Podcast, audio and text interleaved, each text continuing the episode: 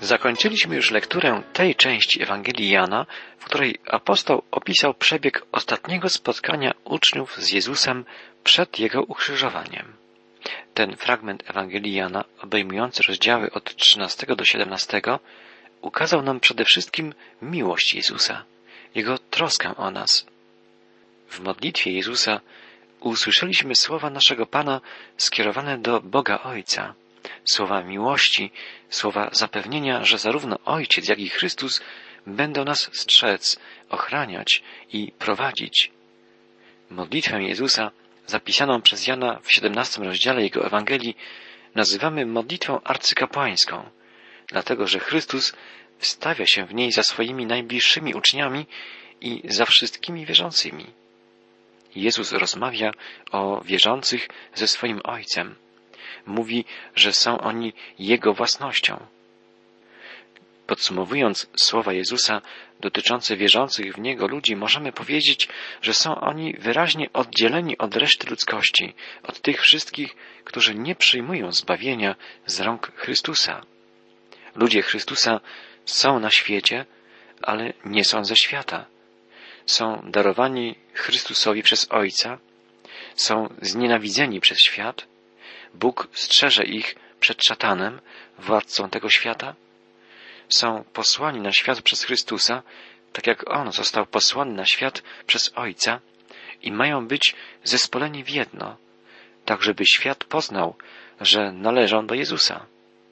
Tak w skrócie możemy opisać relację ludzi wierzących i niewierzących w Chrystusa, określany jako świat, na podstawie rozmowy samego Jezusa z Bogiem Ojcem. Możemy także wyróżnić prośby Jezusa zawarte w Jego modlitwie. Chrystus prosi więc swego Ojca o to, by zachował tych, którzy w Niego uwierzyli, by strzegł ich, chronił. Modli się o to, by mieli oni w sobie radość Ducha Świętego, by Bóg Ojciec uświęcił ich w prawdzie swego słowa, żeby stanowili jedno, jak jedno są Ojciec i Syn by trwali w społeczności z Bogiem Ojcem i Synem i by oglądali chwałę Chrystusa. Jezus jest naszym prawdziwym arcykapłanem. Wstawia się za nami stale. Wiele na ten temat mówi list do Hebrajczyków. W Starym Testamencie znajdujemy opis szat arcykapłana sprawującego służbę według porządku Starego Przymierza. Efot, który nosił arcykapłan, obrazował chwałę i moc Chrystusa. Na ramionach arcykapłan nosił kamienie oneksowe, na których wyryte były imiona także wszystkich plemion Izraela.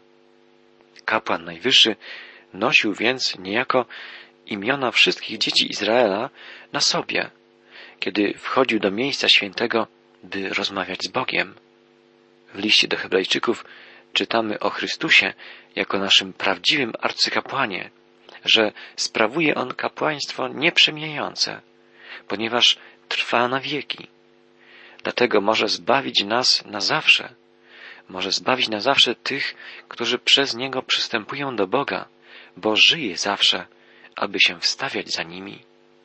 Drogi przyjacielu, każdy, kto przychodzi do Boga Ojca poprzez Jezusa Chrystusa, jest zbawiony i może mieć pewność, że Chrystus wstawia się za nim. Chrystus, zmartwychwstały Pan, ma tę moc, żeby zbawić każdego z nas, bo trwa na wieki. Jego służba kapłańska nigdy nie ustaje.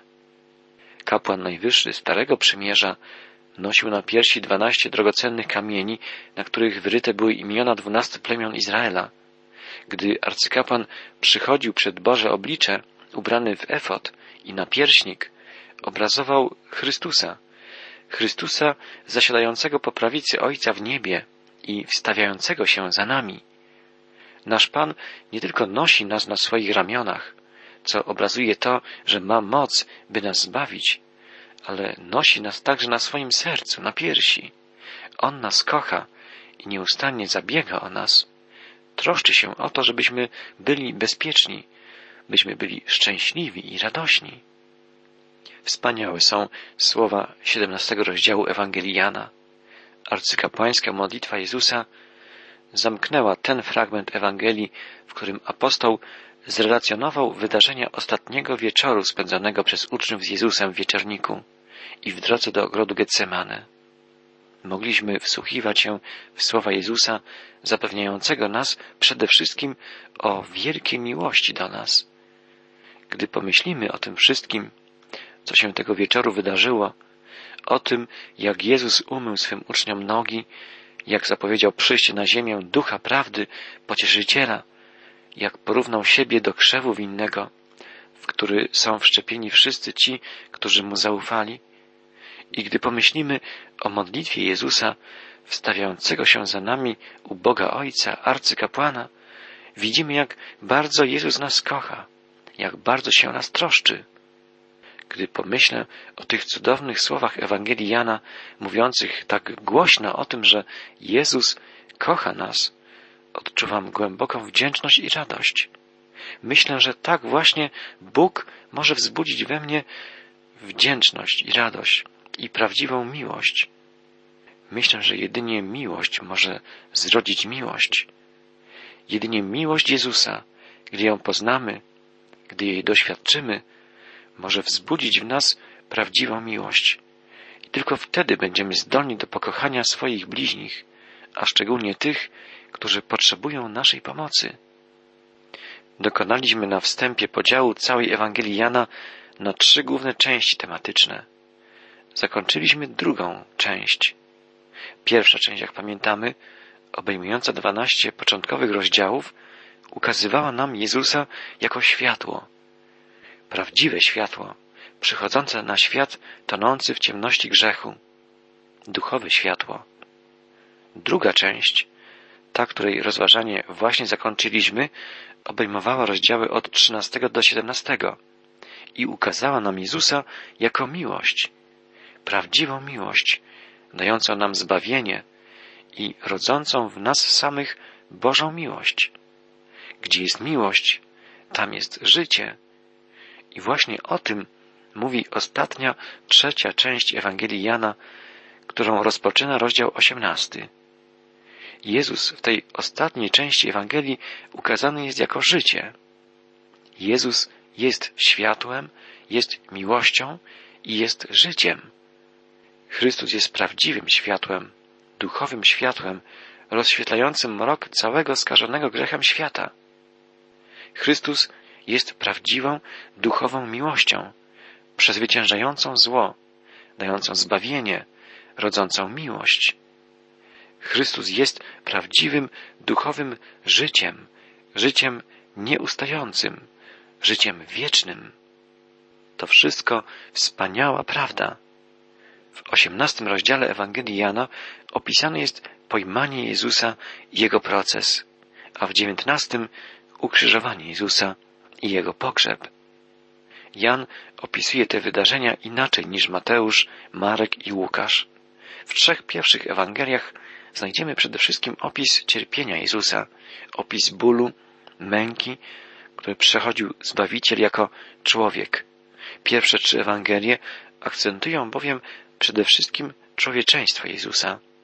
Odnotowują jego wypowiedzi, że idzie do Jerozolimy, aby umrzeć, że zostanie tam wydany w ręce pogan, że zostanie zabity i że potem powstanie cieleśnie z grobu.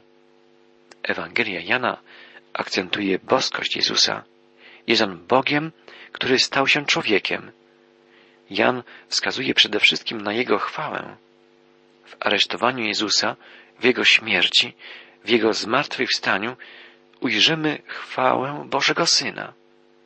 Zauważyliśmy już z dotychczasowej lektury Ewangelii Jana, jak często apostoł odnotowuje zapowiedź Jezusa, że wkrótce powróci do Ojca że będzie tam przebywał w chwale, danej mu już przed powstaniem świata. Mówiliśmy już o tym, że Jezus opuścił późnym wieczorem wieczernik i szedł, rozmawiając z uczniami, w kierunku ogrodu Getsemane. W pierwszym wierszu osiemnastego rozdziału Ewangelii Jana czytamy Po tej modlitwie Jezus udał się z uczniami za miasto do ogrodu po drugiej stronie potoku Cedron. Jezus opuścił Jerozolimę, opuścił miasto, Z relacji Jana wynika, że Jezus często całe noce spędzał pod gołym niebem. To miejsce znał również ten sprzedawczyk Judasz, czytamy dalej, gdyż Jezus często spotykał się tam ze swoimi uczniami. W Ewangelii Łukasza znajdujemy zapis uzupełniający obraz wydarzeń tamtej nocy. Łukasz pisze, że w czasie ostatnich dni przed śmiercią Jezus w dzień nauczał świątyni, a na noc wychodził poza miasto i najczęściej przebywał na Górze Oliwnej. Ostatniej nocy również udał się na Górę Oliwną, a żeby tam dojść, musiał przekroczyć potok Cedron. Jezus przekroczył potok Cedron, wiedząc już, że Judasz go wydał. Być może przypominamy sobie innego Bożego Pomazańca, który również przekroczył potok Cedron, wiedząc, że jest zdradzony.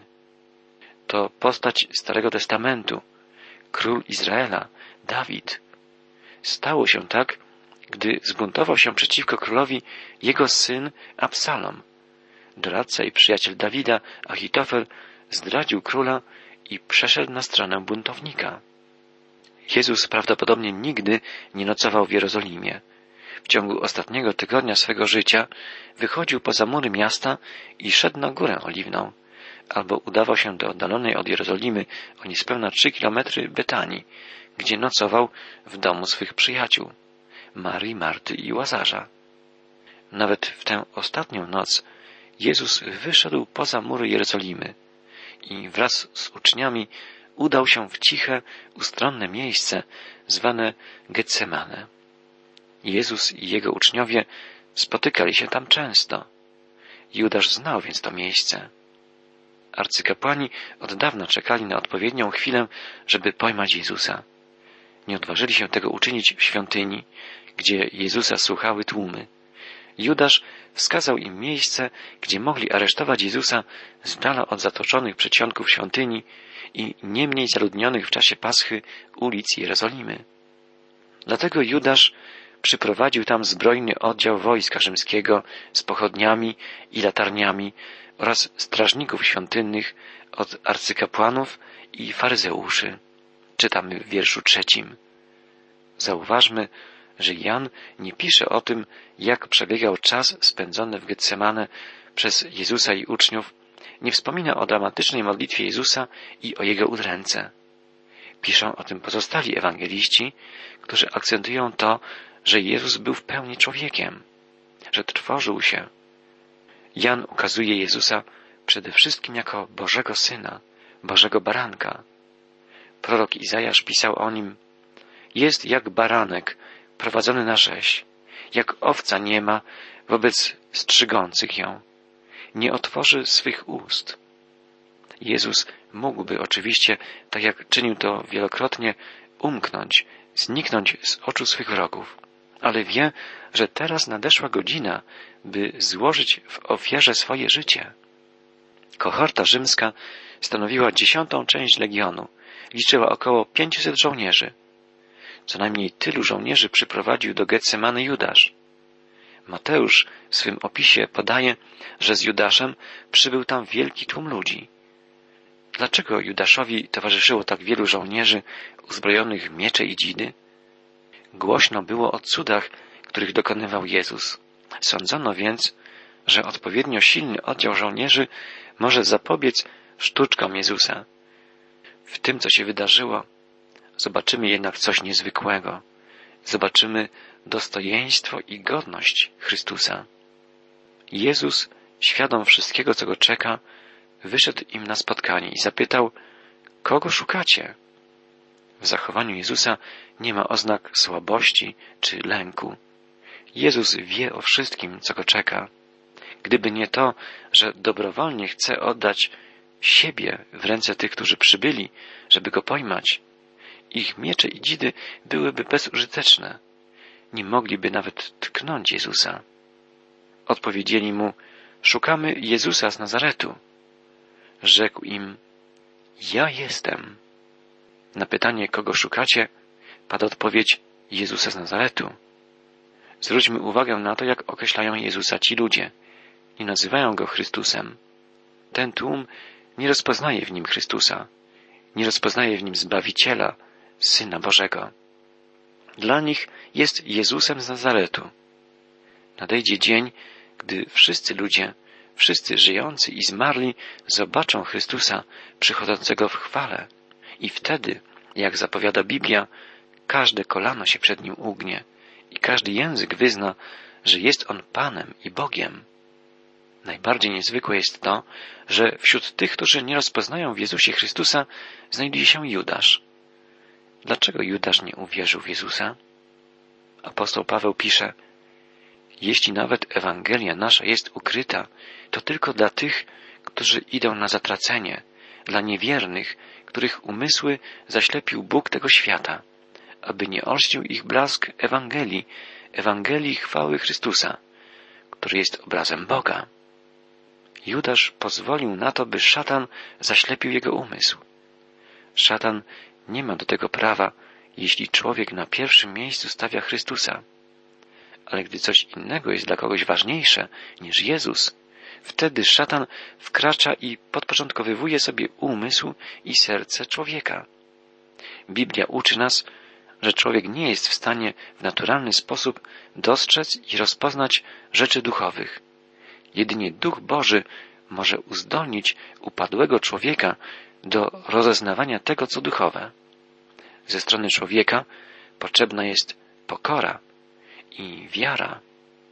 Czytamy, gdy Jezus powiedział, ja jestem, cofnęli się i padli na ziemię.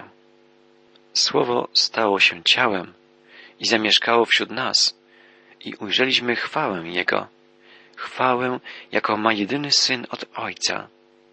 Nawet w tej ciemnej godzinie, gdy Syn Boży oddaje się w ręce oprawców, aby umrzeć za grzechy całego świata, objawia się Jego chwała. Ci, którzy przybyli Go pojmać, padają na ziemię. Jest zupełnie oczywiste, że ci ludzie nie mogliby Go pojmać, gdyby On nie oddał się w ich ręce dobrowolnie. Nie upadli oni na twarz, by oddać Mu chwałę. Padli na ziemię z przerażenia, powoleni majestatem Chrystusa. Musiał być to moment zupełnego zamieszania i bojaźni. Mieli przed sobą nie po prostu Jezusa z Nazaretu, ale Jezusa Chrystusa, Boga, mówiącego o sobie Ja jestem. Wypełniło się proroctwo Dawida. Pan światłością moją i zbawieniem moim. Kogóż bać się będę? Pan ochroną życia mego. Kogóż mam się lękać? Gdy nacierają na mnie złoczyńcy, aby pożreć moje ciało, są oni moimi wrogami i nieprzyjaciółmi, potkną się i upadną. Niech okryją się wstydem i hańbą ci, którzy nastają na życie moje. Niech cofną się i zawstydzą ci, którzy myślą o zgubie mojej. Te słowa pochodzą z psalmu 27 i 35, a w 40 psalmie Dawid prorokuje Niech się zawstydzą i zarumienią wszyscy ci, którzy godzą na życie moje, by je zgubić. Niech cofną się okryci hańbą ci, co pragną mej zguby. Te proroctwa wypełniają się właśnie teraz, gdy na moment objawia się tym ludziom chwała Jezusa. Szukają Jezusa z Nazaretu. On jest tutaj, ale jest to Jezus Chrystus, Pan chwały. Drogi przyjacielu, kogo ty szukasz? Czy wiesz, kim jest Jezus? Można być bardzo religijnym, można czytać Biblię, a nie dostrzec, że Jezus z Nazaretu to Chrystus, Syn żywego Boga. Znów ich zapytał, czytamy dalej, kogo szukacie? Odpowiedzieli, Jezusa z Nazaretu. Rzekł Jezus, już wam powiedziałem, że to ja. Jeżeli więc mnie szukacie, to pozwólcie odejść moim uczniom. W ten sposób spełniły się Jego słowa Nie doprowadziłem do zguby nikogo z tych, których mi dałeś. Zauważmy, jak godna i pełna dostojeństwa jest postawa Jezusa. Właściwie wszystko zależy tu od Niego. On decyduje o tym, kto ma być aresztowany, a kto nie. Słowa proroctwa zapowiadały, że pasterz trzody zostanie zabrany, a owce się rozproszą. Proroctwo mówiło też jednak, że pasterz nie utraci żadnej z owiec. Uczniowie Jezusa nie zostali aresztowani. Można by sądzić, że zostaną aresztowani jako najbliżsi towarzysze Jezusa. Mogli być najlepszymi świadkami w jego procesie. Pozostają jednak na wolności, zgodnie ze słowem proroctwa. Po zmartwychwstaniu Jezusa znowu będą wszyscy razem. Wtedy Szymon Piotr dobył miecza, czytamy, zadał cios słudze arcykapłana i uciął mu prawe ucho. Sługa ten miał na imię Malchus. Dlaczego Piotr nie został aresztowany za swój postępek? Czy nie jest to zastanawiające? Jezus rozkazał, czytamy, schowaj miecz, Piotrze. Czy nie mam pić z kielicha goryczy, który podaje mi ojciec? Z relacji innego ewangelisty, Łukasza, który jak pamiętamy był lekarzem, wiemy, że Jezus dotknął zranionego sługę arcykapłana i uzdrowił jego ucho. Czy dlatego nie aresztowano Piotra? Być może tak. I również dlatego, że Jezus powiedział, pozwólcie im odejść. To Jezus decyduje o tym, co się tu dzieje. Szymon Piotr zdobył się na akt odwagi.